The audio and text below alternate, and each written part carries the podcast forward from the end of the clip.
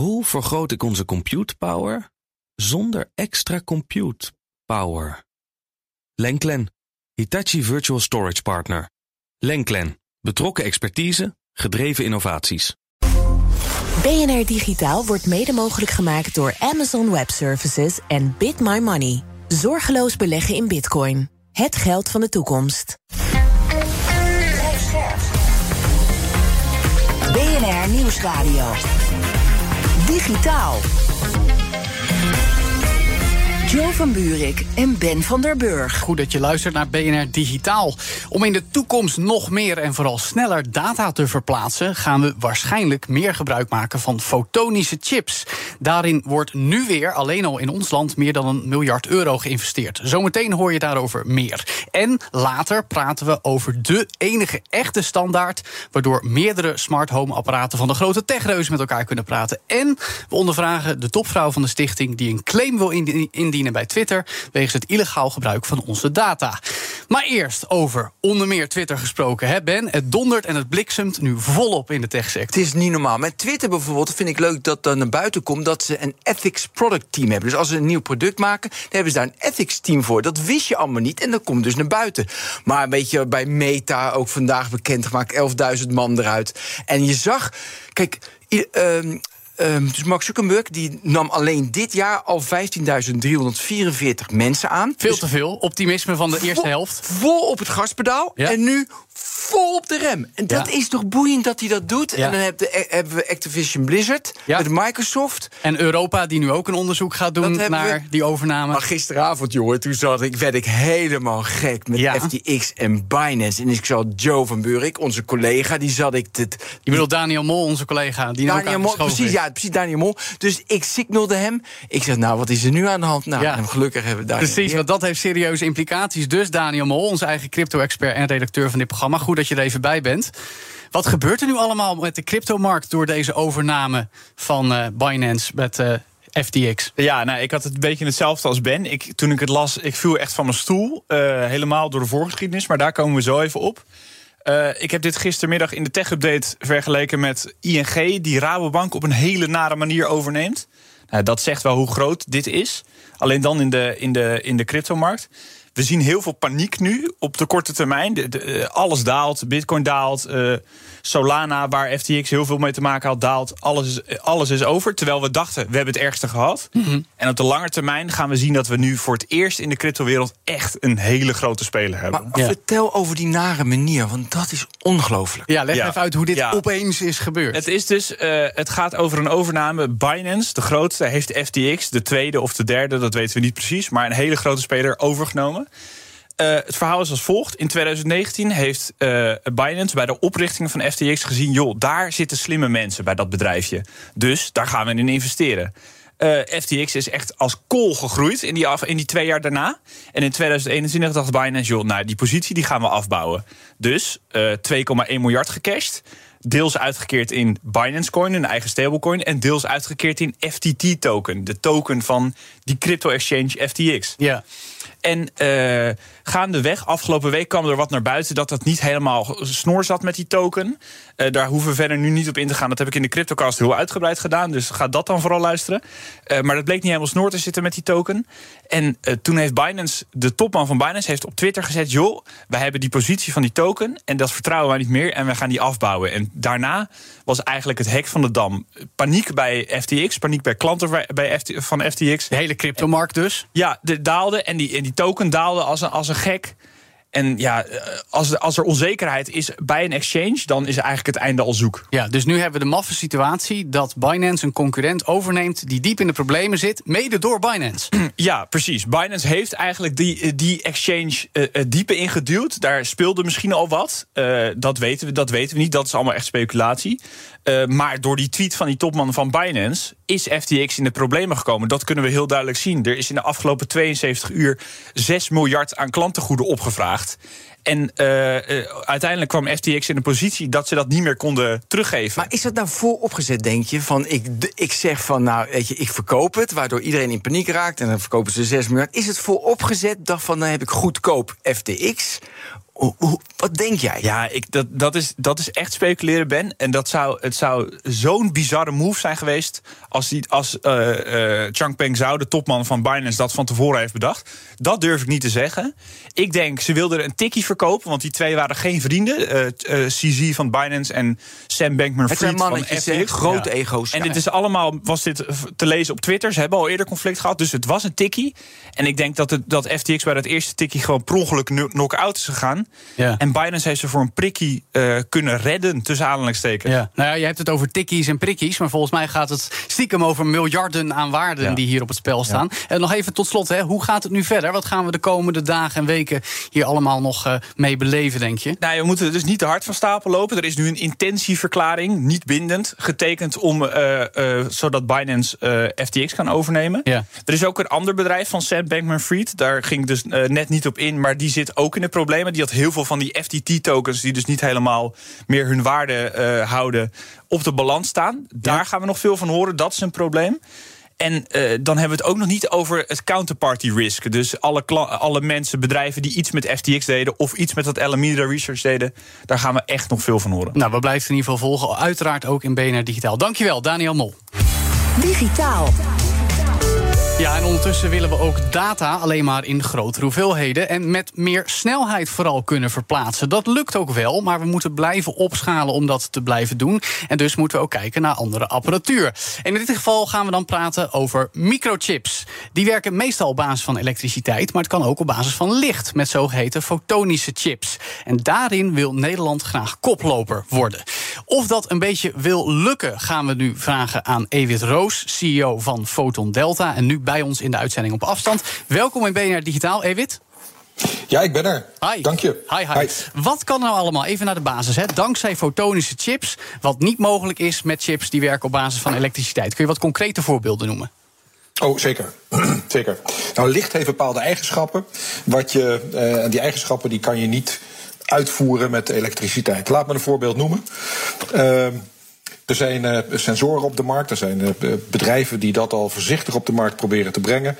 Dat, uh, die, de, waar je bijvoorbeeld met licht, als, die, als je dat schijnt op je vingertop, op een hele eenvoudige manier je bloedsuikerspiegel kan, kan bepalen. Waardoor je al dan niet kan bijspuiten of al dan niet andere gerechten kan gaan eten. Dat is echt typisch voor diabetes. Dat is een uitvinding die uitsluitend en alleen met licht kan worden gedaan. Je moet je voorstellen, dat is een soort kapje, doe je je vinger in en daar schijnt een bepaalde golflengte licht op. Licht bestaat uit verschillende golflengten, zichtbaar licht, geen zichtbaar licht, en licht dat zelfs warm is. en daarmee krijg je dan de reflectie van dat licht op weer een, een soort van spiegel, laat ik het zo zeggen. Mm -hmm. En afhankelijk van het type weerkaatsing van dat licht kan je bepalen, in dit geval, wat, uh, uh, hoeveel suiker er in je bloed zit. Nou, ja. Er zitten heel veel algoritmes achter, heel veel statistiek achter. Maar dat is een voorbeeld van wat je met licht kan en dat je met elektronen niet kan. Ja, nou dat klinkt al als een mooi voorbeeld van iets wat ook echt als consumentenproduct op de, op de markt kan komen. Hè? Kun je ook nog iets ja. meer uitleggen over hoe nou in de basis fotonische chips anders werken, omdat ze met licht werken, versus ja, de conventionele chips op elektriciteit? Ja, eigenlijk zeg je het zelf al. Kijk, elektronische chips, geïntegreerde circuits, IC's. Hè, we kennen allemaal de semiconductor-industrie, die maken IC's. Daar zitten er miljarden van in je telefoon. Die werken met elektronen. Uh, fotonisch geïntegreerde circuits, PIC's, ja. die werken met lichtdeeltjes, zogenaamde fotonen. Het voordeel van fotonen is, is dat je heel veel verschillende golflengtes vol met van die fotonen als datadragers langs elkaar kan schuiven. Waardoor je hele grote hoeveelheden data tegelijkertijd kan versturen. Nou, dat, dat kan met licht. Overigens, het is niet zo dat licht, die fotonen en die PIC's, die IC's vervangen.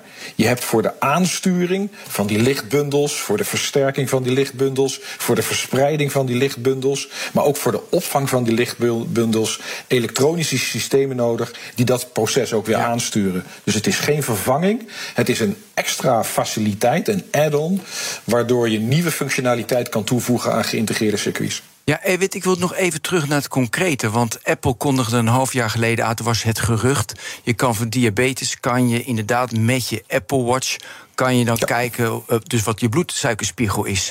En uh, toen zeiden ze later nee, dat, dat gebeurt pas bij de Apple Watch van 2025. Denk jij dat ze dat redden of niet? Ja, dat, dat gaan ze zeker redden. En ik zal je vertellen waarom. In de praktijk is het nu al mogelijk. Uh, ik, ik heb machientjes gezien die zijn ter grootte van een dobbelsteen, waar je je middelvinger of welke vinger dan ook op legt. Uh, en, en daar zie je het al gebeuren. Dat met een lichtbundel, die weerkaatsing wordt opgevangen, et cetera, ja. wat ik zojuist heb neer, weergelegd. Waarom, op, heb, heb uitgelegd. Waarom doet Apple het dan nog niet? Is nou, het te duur? Het of te moeilijk? omdat het in een telefoon moet. En wat je ziet, is dat je, en dat is net als met de elektronische IC's, is dat je steeds meer functionaliteit in zo'n geïntegreerd circuit brengt. Daar zitten, om even een idee te geven, op een, op een gemiddelde chip. Uh, die met apparatuur van ASML ergens in Taiwan uh, wordt gemaakt. of in de Verenigde Staten bij Global Foundries. Mm -hmm. Daar zitten echt miljarden, miljarden transistoren op zo'n chippie. Ja. ja. Nou, gaan we even 30 jaar in de tijd terug. Daar staan we met geïntegreerde fotonica. En dan praten we niet over miljarden functies, dan praten we over duizenden functies die je op zo'n enkele chip uh, terugvindt. En in dat proces van steeds meer functionaliteit, zeg maar even op drie vierkante of vijf vierkante millimeter brengen, daar zitten we middenin. En zodra je dus die noodzakelijke functionaliteit, bijvoorbeeld het uitkaten, het uitbrengen van licht, het opvangen van licht, het begrijpen van licht, intelligentie toevoegen in een iPhone, zodat je kan detecteren en op een, op een zeg maar even op een vierkante milli of op drie vierkante millimeter die analyse kan maken ten opzichte voor wat betreft in dit geval je diabetes, om het voorbeeld van Apple te hebben, ja. dan moet je weer veel meer slagen maken in die functionaliteit. Ja. En dat proces is aan de gang. Vergelijk het even met de wet van Moore. Elk half jaar, elke twee jaar meer functionaliteit tegen dezelfde prijs. En dan ziet eenzelfde proces ontstaan binnen uh, geïntegreerde fotonica. Ja. En daar is Apple mee bezig. Dus het moet kleiner, tegen een nog lagere energiefootprint, zodat het kan worden ingebouwd in een telefoon. Ja, maar, maar, de vraag of het komt, is niet aan de orde. Okay, dat komt er zeker. Ja, maar dat willen we allemaal sneller, want we hebben liever 2023 dan 2025. Wat heb je Ja. nu nodig om het, of wat heeft de industrie nodig om dat sneller te laten gebeuren? Is dat geld? Nou. Is dat mensen? Is dat denkkracht? Wat is dat? Productiecapaciteit. Productiecapaciteit. Nou, dat is. Uh, dat is uh, kijk, er zit sowieso by definition een stuk technologieontwikkeling in. Want als het al beschikbaar zou zijn, dan had het al lang in die iPhone gezeten. Ja, maar wat is gaat beperking? het- Wat heb je nu nodig? En wat, de, en wat de beperking is, ja, geld is altijd een hele makkelijke, maar daar wil ik zeker niet mee beginnen. Waar het om gaat, is dat je met een nieuwe technologie zit, de manipulatie van licht.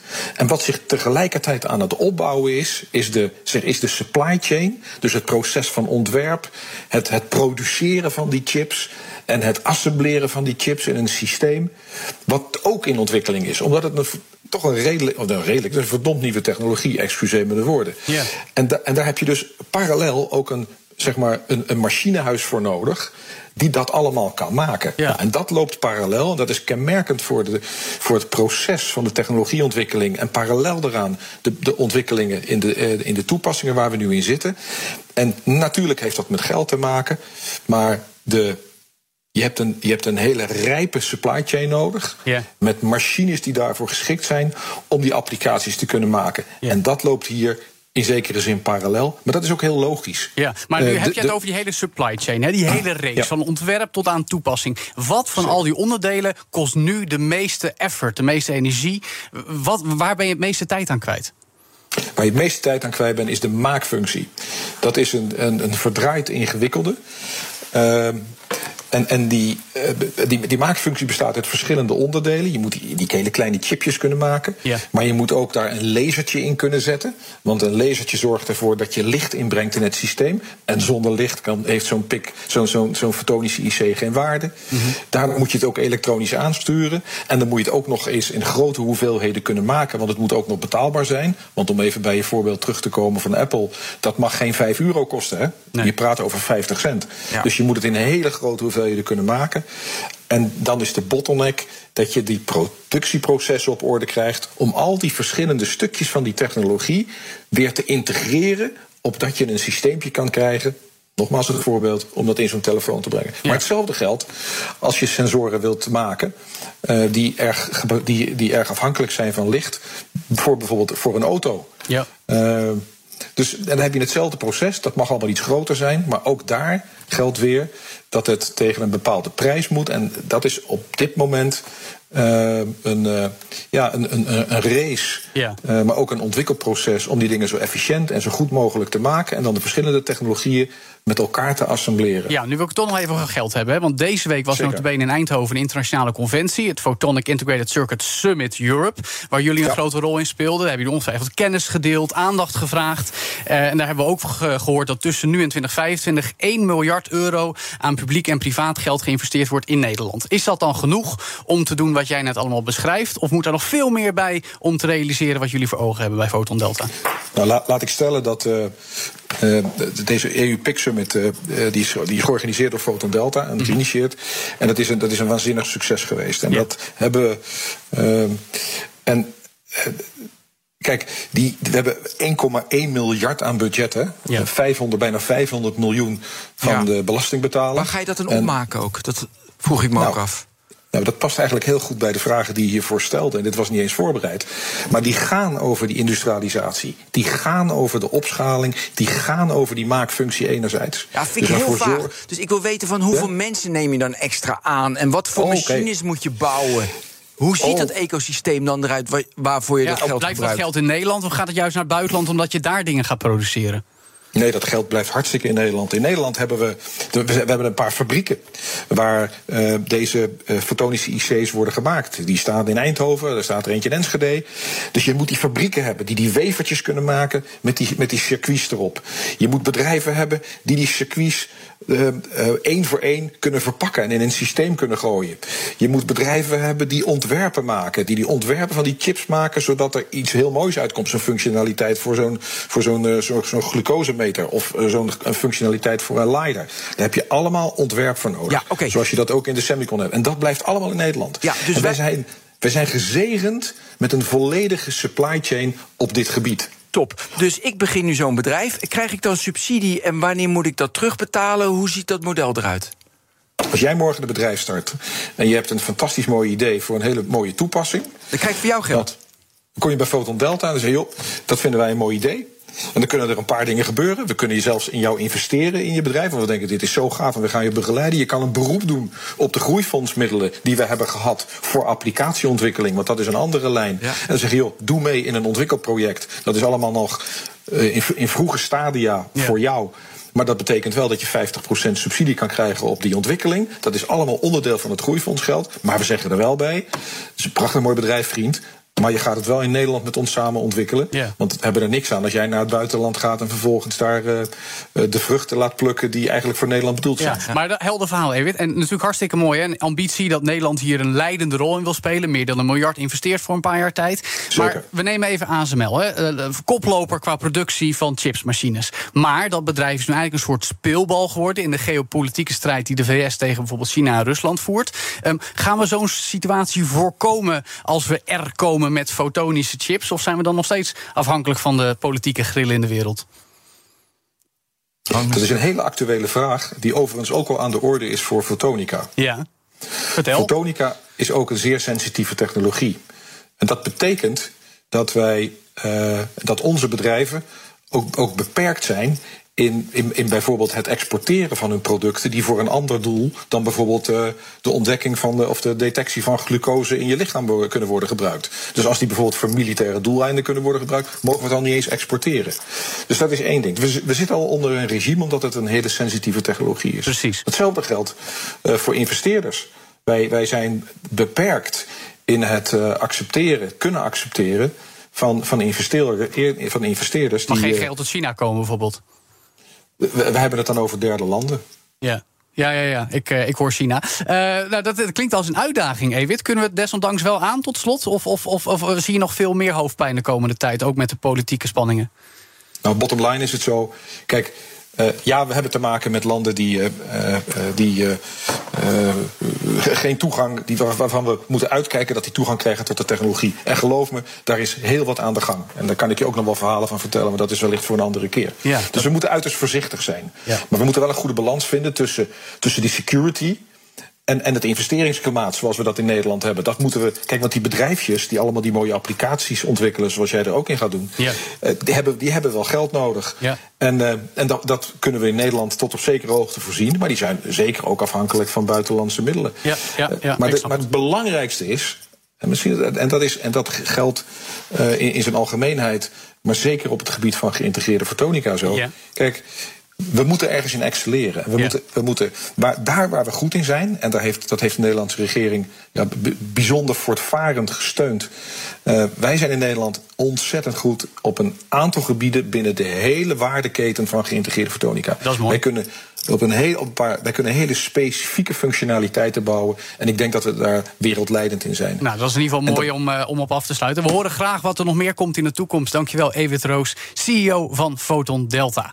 Straks in BNR Digitaal praten we over Matter, die ene standaard voor alle smart home apparaten van alle merken. En vragen we hoe een Nederlandse stichting veel geld van Twitter wil claimen. Aan die stichting zelf gaan we dat dus vragen. Dat hoor je zo in de tweede helft van deze BNR Digitaal. Nieuwsradio. Digitaal.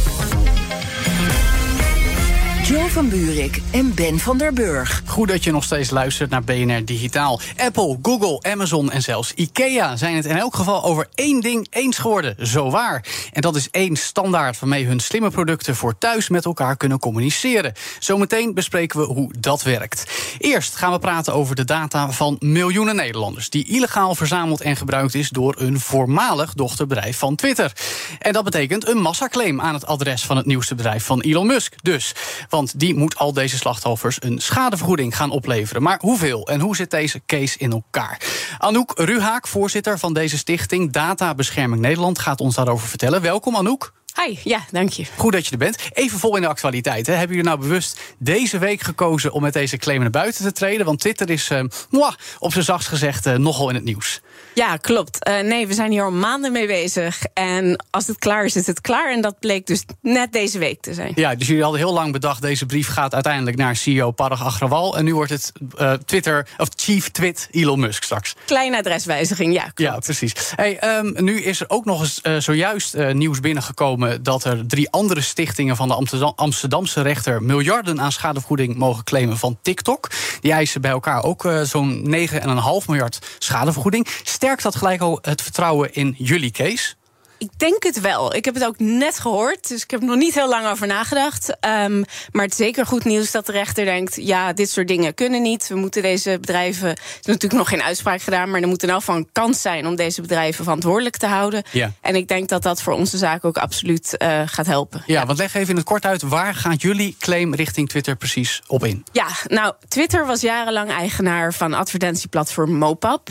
En Mopap heeft data verzameld en ook gecombineerd van gebruikers van duizenden apps. En dat zijn allemaal gratis apps, zoals Shazam, Duolingo, Wordfeud, eh Buienradar. Populaire apps zo. Allemaal populaire apps. Er zijn er 30.000 in totaal. En wat Mopub nou deed, is het verzamelde die data, combineerde het van al die verschillende apps en deelde dat vervolgens weer met adverteerders en andere bedrijven. Eh, en dat deden ze allemaal zonder dat de gebruiker daar wat van wist en zonder dat eh, ze daar de gebruiker om toestemming voor hebben gevraagd. Ja. Dat mag niet, dat is hartstikke illegaal en daarnaast ook heel kwalijk. Eh, wij maken ons grote zorgen over wat er met die data Ja. gebeurd kan zijn. Heel veel vragen heb ik erover. Ja, eerst, snap ik. Eerst, het was, dat hebben ze ook gedaan voor 2018, hè, voor de AVG. Dus ze deden van 2013 Ja. tot 2019. Dus Klopt. ze zitten net in die AVG. Dat is, daarvoor vind ik hem al moeilijk. Hoe kon je nou als gebruiker van Duolingo weten dat, eh dat Mopub is geïnstalleerd? Dat kan je toch niet weten? Nee, dat weet je dus niet. Dat is inderdaad precies het probleem. Dat- Maar dan val je je nu Twitter aan, Mopub aan, zeg, Mhm. maar niet Duolingo. Dus ik zou dan denken, ja, Duolingo, want je accepteert de voorwaarden voor Duolingo. En ik weet niet dat Mopub wordt gebruikt, want Duolingo gebruikt de advertentie eh, eh, van, van Google voor nog veel meer. Dus nu val je Mopub aan, Twitter aan, Mhm. terwijl je eigenlijk, ja, denk ik, Duolingo eraan moet vallen. Nou, we hebben het dus over 30.000 verschillende apps. En ehm, wat er nou eigenlijk gebeurt, is zo'n app wil adverteren. Nou, Ja. dat is op zich, daar is op zich niks mis mee. Nee. Eh, het is een gratis app, natuurlijk willen ze adverteren. Dan installeren ze Mopap. En, maar wat zij wel of niet weten, en wij weten dus niet hoeveel een app daar zelf van wist. Mhm. Uh, is dat MoPub dus niet alleen maar een advertentie laat zien, maar dus ook data registreert over waar de gebruiker is en vrij specifiek uh, welke app gebruikt wordt, hoe die app gebruikt wordt. Um, en dus daar klagen wij MoPub voor aan. Want dat is een verantwoordelijkheid van MoPub om daar duidelijk over te zijn, toestemming voor te vragen en ook niet meer data te verzamelen dan nodig. En dat hebben ze wel gedaan. Ja. Hoe zijn jullie dit schandaal, zal ik maar even zeggen, op het spoor gekomen? En wat, wat hebben jullie al gedaan voordat het nu ja, tot het verzamelen van bewijs voor een claim gaat komen? Ja, daar gaat behoorlijk wat tijd in zitten. De korte versie uh, graag. De korte versie is uh, de Noorse autoriteitspersoonsgegevens heeft een tijd geleden een rapport geschreven. Out of Control. En dat was een rapport over uh, dating app Grindr. Mhm. Nou, Grindr gebruikte ook Mopap. En een, van wat, een van de dingen waar de Noorse autoriteit achter kwam is: oh, al die data die Grindr heeft verzameld en gedeeld, ook grotendeels illegaal. En dus werd Grindr ook uh, aangepakt. Maar voor een deel daarvan deden ze dat via Mopub. En Mopub is niet aangepakt. Maar Ja. toen dachten wij. Hey, dat is raar. Dat is dit, er is een platform wat niemand kent, waarvan niemand weet dat het uh, van Twitter is, wat dus op grote schaal data verzamelt. Ja. Toen zijn we op onderzoek uitgegaan van, nou, gebeurt dit nou meer? Wordt dit platform verder ook nog gebruikt? En het antwoord is ja, en dus inderdaad op grote schaal. Ja, maar de kans is toch heel groot, zoals in Noorwegen, dat de rechter gaat zeggen van nee, je moet Duolingo, alle apps in Nederland. Dus Grindr is de schuldige en niet Mopub. Dat, in Noorwegen is dat nooit gezegd. Nee? Um, de Noorse autoriteit was gewoon naar Grindr aan het kijken en niet Ja? naar Mopub. Um, Maar even voor Nederland. het zou heel goed kunnen dat we ook, dat inderdaad op het moment dat wij met deze zaak naar buiten komt, de autoriteit ook denkt: oh, misschien moeten we en Mopub aanpakken en ook alle apps. Ja. Um, maar wij vechten één gevecht per keer. Ja. En dit is de, het gevecht dat we gekozen hebben. Maar het lastige is dat Mopub eigenlijk sinds eind 2021 niet meer van Twitter is en eigenlijk ook niet meer bestaat. Maar kun je dan Twitter hier wel voor verantwoordelijk houden en op aanspreken, omdat het in die tijd onderdeel van Twitter was? Ja, als jij tien jaar geleden iets fout deed, kan ik je daar ook nog steeds verantwoordelijk voor houden. Het gaat mij erom um, dat bedrijven als Twitter. Er zijn ontzettend veel grote bedrijven die heel raar met onze data omgaan, die veel meer data verzamelen dan nodig. Ja. En daar komen we elke keer weer achter. En het gaat mij erom dat bedrijven als Twitter en Twitter zelf verantwoordelijk worden gehouden. Ook als ze dat nu al niet meer doen. Ja, Ja. maar Mopub is gekocht door AppLovin. En AppLovin Yes. doet nog precies hetzelfde als toen het nog van Twitter was. Dus dan kan je ook AppLovin aanpakken. En wellicht doen we dat in de toekomst Nee, ook. maar? Waar het mij om gaat, is dat. AppLovin heeft Mopub gekocht, het Ja. vervolgens uit elkaar getrokken en een deel daarvan weer in het eigen platform gestopt. Ja. Ik heb nu bewijs waar, voor het feit dat Mopub heel veel fout heeft gedaan. AppLovin. Daar heb je nog geen het, bewijs van. Heb ik nog geen bewijs van. Nee, precies. Maar als jij bewijs hebt, dan ehm, Ja. moet die ook gewoon. Uh, even reality check. Hè. Ik, stel, ik stel me voor, deze, deze brief komt er straks. Eh, We gaan zo meteen nog even naar hoe deze claim precies afgewikkeld wordt. Maar deze, er komt een brief. Die belandt op het spreekwoordelijke bureau van Elon Musk. Uh, d- die is ook pas sinds kort eigenaar van Twitter. Dus er zit wat verloop van eigendom zeg maar, in dit hele verhaal. Hij heeft het druk. Ja, maar heeft dat, heeft dat ook misschien wat flauw om te zeggen kans van slagen? Omdat er zoveel tussenstappen in zitten? Je bedoelt tussen eh, Mopub en Elon Musk? Nou ja, Of- omdat m, weet je, Musk is pas sinds kort eigenaar van Twitter. Twitter heeft bijna een jaar geleden eh eh, Mopub al afgestoten. Dus ja, het, kan, het is net alsof er is iets met een auto gebeurd... en er is een andere eigenaar in de tussentijd geweest... en nu heb ik die auto, maar die auto heeft iets fout gedaan destijds, zeg maar. Ja, en daarom heb je due diligence op het moment dat je een bedrijf Aha. koopt. En dat heeft hij niet gedaan. Nee, dat is interessant. Dat, dat is verder aan hem, daar, hou Ja. ik, daar ga ik niet over. Maar eh, ja, nee, hij koopt een bedrijf met alle problemen van, uit de geschiedenis. En dus ook deze. Ja. Wij hopen dat Elon Musk inderdaad met een schone lei wil beginnen... en met ons aan tafel gaat om die reden. Ja. Eh, mocht dat niet zo zijn, dan hebben wij alle middelen... en al het bewijs om naar de rechter te stappen. En dat gaan we ook zeker doen. Helder. Hoeveel geld willen jullie gaan claimen? Ja, dat is een hele goede vraag. Eh, dat is een vraag waar ik nog geen uitspraak over kan doen. Eh, Ja. wij willen dus eerst met Twitter in gesprek.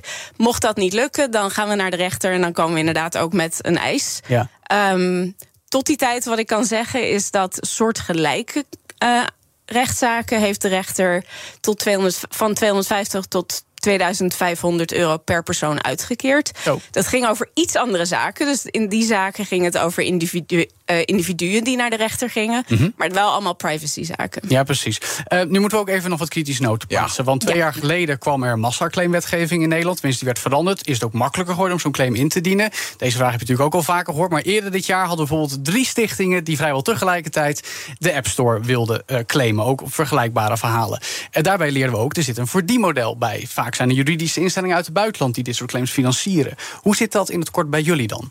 Ja, nee, het klopt. Ehm, Nou, allereerst, ik doe dit omdat privacy mij enorm aan het hart gaat. Ja. Ehm, ik zit al jaren in het vak. Ik ben journalist geweest en veel van dit soort verhalen juist eh, naar boven gehaald. Je hebt bij Mozilla gewerkt ook in het Ik heb bij Mozilla gewerkt, Ja. juist specifiek op dit onderwerp. Dus het gaat mij echt. ik zit erin dat voor is de voor jou. Maar Ja. er zit een. Dat is voor mij. Maar op het moment dat je zo'n rechtszaak aangaat, op het moment dat je het tegen Twitter op wil nemen, toch wel een redelijk groot bedrijf, heb je middelen nodig. Je kan daar niet met een paar vrijwilligers en 10 euro aankomen Nee, zetten. helder. Dus daar heb je geld bij nodig. Ehm, en dat is voor ons in ons geval voorgeschoten door een funder ehm, in de UK.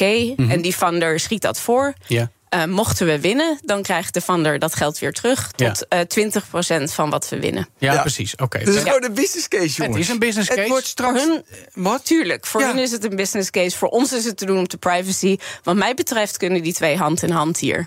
Ja, maar is Musk niet zet altijd gewoon het zijn, best, zijn beste advocaten erop. Ja. En nee, de- maar Ben, gaat dit je nu om de haalbaarheid of om het, het statement, om het zo ook maar een beetje mee te zeggen? Natuurlijk is daar geld mee gemoeid, wat, wat ze ook willen maken met Oh, wij- kijk, wij zijn allemaal voor privacy, dus ik Ja. vind het hart- een hartstikke goede zaak. Alleen ik begrijp, blijf bij deze zaak niet begrijpen dat MoPub is indirect. Je- Ja. Ik vind je moet Duolingo is verantwoordelijk. Want mij, Ja. ik, als gebruiker, ik als gebruiker krijg dat geld. Hè. Ja. Ik als gebruiker heb een deal met Duolingo en niet met MoPub. Nou, maar, eh, goede vraag genoeg. Eh, Is er überhaupt een manier waarop je die apps er ook bij kan betrekken? Weet je wel, al is maar 30.000 brieven uitsturen. Of, of, of, of kun je dat makkelijk bundelen en, en, en naast je neerleggen... en de claim zoals jullie hem bedacht hebben gewoon verder uitvoeren? Goeie vraag. Ehm, op dit moment is dat niet zo makkelijk. Mhm. Ik denk ook het belangrijk is om te zeggen dat wij doen deze claim niet voor onszelf. We doen deze claim namens eh, de 10 miljoen Nederlanders waarvan wij denken dat het hier om Wij ook, gaat. Ook Ja, ja, namens ja, ons. 10 miljoen gedupeerden, ja, jullie Ja. ook. Ja. Eh, en die kunnen ook deze zaak steunen. Dus je kan naar je staat te koop.nl. En dan kun je aanmelden. En, kun je- en dat kan helemaal gratis. En dan doe je mee met de zaak. En dan word je op de hoogte gehouden. En inderdaad, ehm, als wij een schadevergoeding krijgen, krijg jij ook een deel van dat geld. Op hoeveel aanmeldingen rekenen jullie, eh, Anouk? Hopen op duizenden. Ehm, nogmaals, we hebben geen aanmeldingen nodig in principe. We kunnen gewoon met de zaak Jullie kunnen al in principe aan de slag. Precies. Ehm, maar we willen natuurlijk graag dat Nederland eh, het net zoveel kan schelen als het ons kan schelen. Dus Ja. we zien graag dat mensen Twitter zich kapot maken. Net zoals ook al vanuit Nederland gedaan wordt richting TikTok. Hou ons in ieder geval op de hoogte en dank voor je uitleg, Anouk Ruhaak, voorzitter van de Stichting Databescherming Nederland. Joe van Buurik en Ben van der Burg. En de eerste versie van de universele smart home standaard Matter is na jaren van ontwikkeling eindelijk gelanceerd. En dat is uniek, want voor het project werkten alle techgiganten die je eigenlijk kan noemen, waaronder Apple, Google en Amazon en zelfs IKEA, met elkaar samen.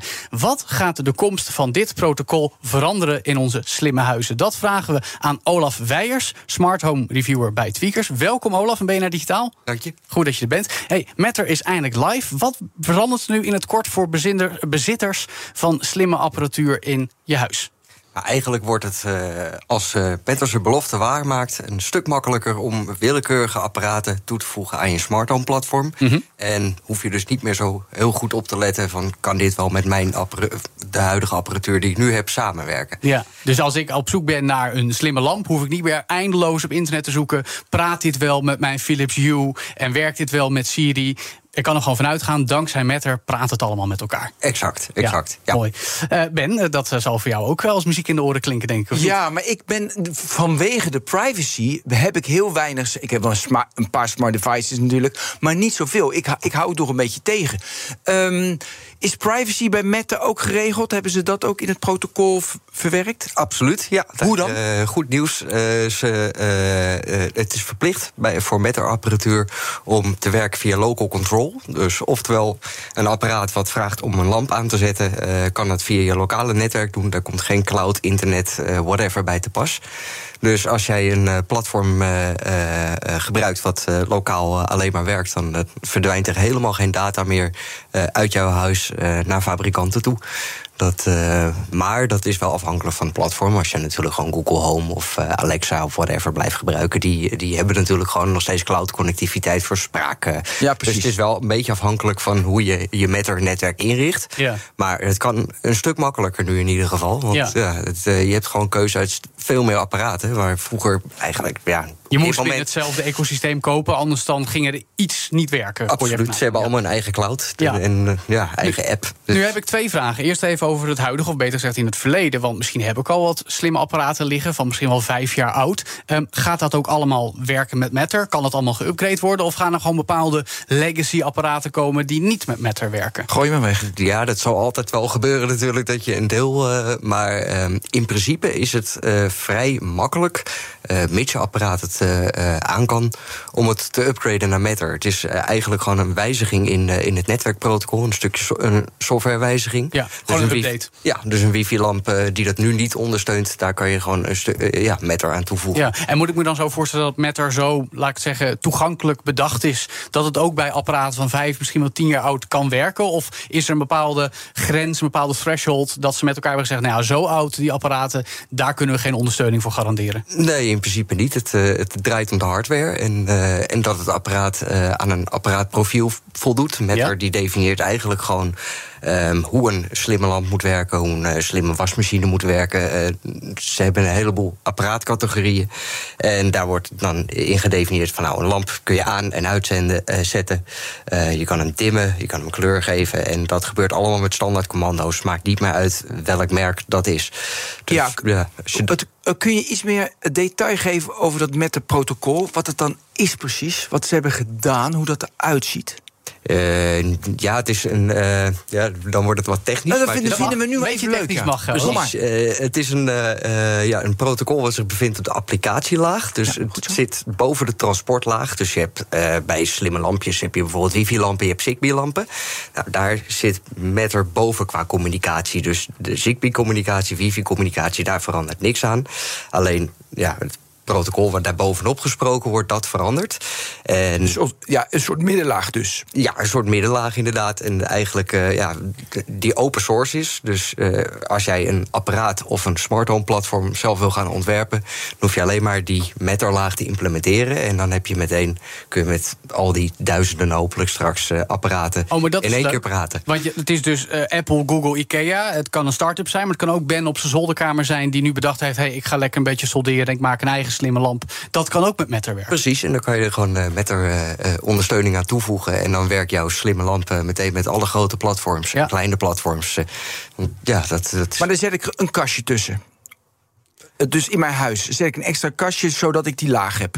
Uh, nee, in principe niet. Dus uh, een wifi-lamp die kan dus uh, met haar gaan praten. En uh, jouw Nest Hub wordt geüpdate en met haar ondersteund. Direct dan dus. kan die op het wifi-netwerk direct jouw wifi-lamp vinden. Maar je hebt bijvoorbeeld ook Philips Hue-lampen. Die zijn via Zigbee verbonden. En aan een, via een bridge eigenlijk aan je netwerk, je interne netwerk verbonden. Ja.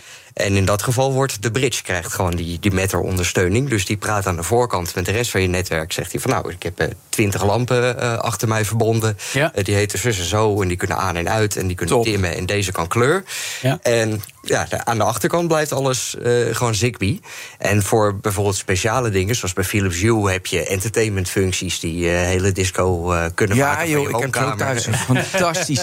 hey, Ja. maar dit is wel een beetje eindelijk, jongens. Ja, maar het is ook Ja, zeker. bijzonder, hè? Bijna mijlpaal zou ik willen zeggen. Misschien is, is het een mijlpaal, Olaf. Is dit echt dat we zeggen nou, dat we al die techbedrijven... de grote jongens en ook de middencategorie op een rij hebben gekregen... met het Connectivity Standards Alliance, heet dat volgens mij, het Ja, samenwerkingsverband. Is dat, kun jij voor ons schetsen hoe moeilijk het is om ze allemaal op een lijn te krijgen? Want het is dus wel gelukt met Matter nu. Ja, nou ja, hoe, hoe, eh, de gesp- gesprekken daar gevoerd zijn, daar ben ik niet bij geweest. Maar ik kan Nee. me voorstellen dat het wel pittig is geweest om dat, eh, al die belangen bij elkaar te krijgen. Als je bijvoorbeeld kijkt naar eh, Google Home, dat platform, dat eh, vond Google van nou, iedereen mag daar zo ongeveer wel bij. Dus je hoeft alleen een contract te ondertekenen en dan mag je een sticker op je product zetten van werk met Google Home. Of Ja. met de Google Assistent. Maar Apple En- kennen dus zal het daar een veel moeilijker Apple, is. ja, die is daar een stuk strenger in. Daar, eh, als je, eh, ik heb wel eens gesproken met een fabrikant die ging een eh, rolgordijn ja, geschikt maken voor Apple. Uitrollen. ja, en als je dan, dan moet je het certificeren. Nou, Ja. Bij Apple probeerden ze zet het rol, dim het rolgordijn naar 75%. Zet het 75% dicht. Nou, dat motortje, dat trok aan het einde van eh, het pad... trok die eventjes een klein stukje terug... om het mechanieke speling eruit te halen. En dan Ja. zakte het rolgordijn of ging hij weer naar 74%. Nou, product afgekeurd, kun je weer opnieuw beginnen.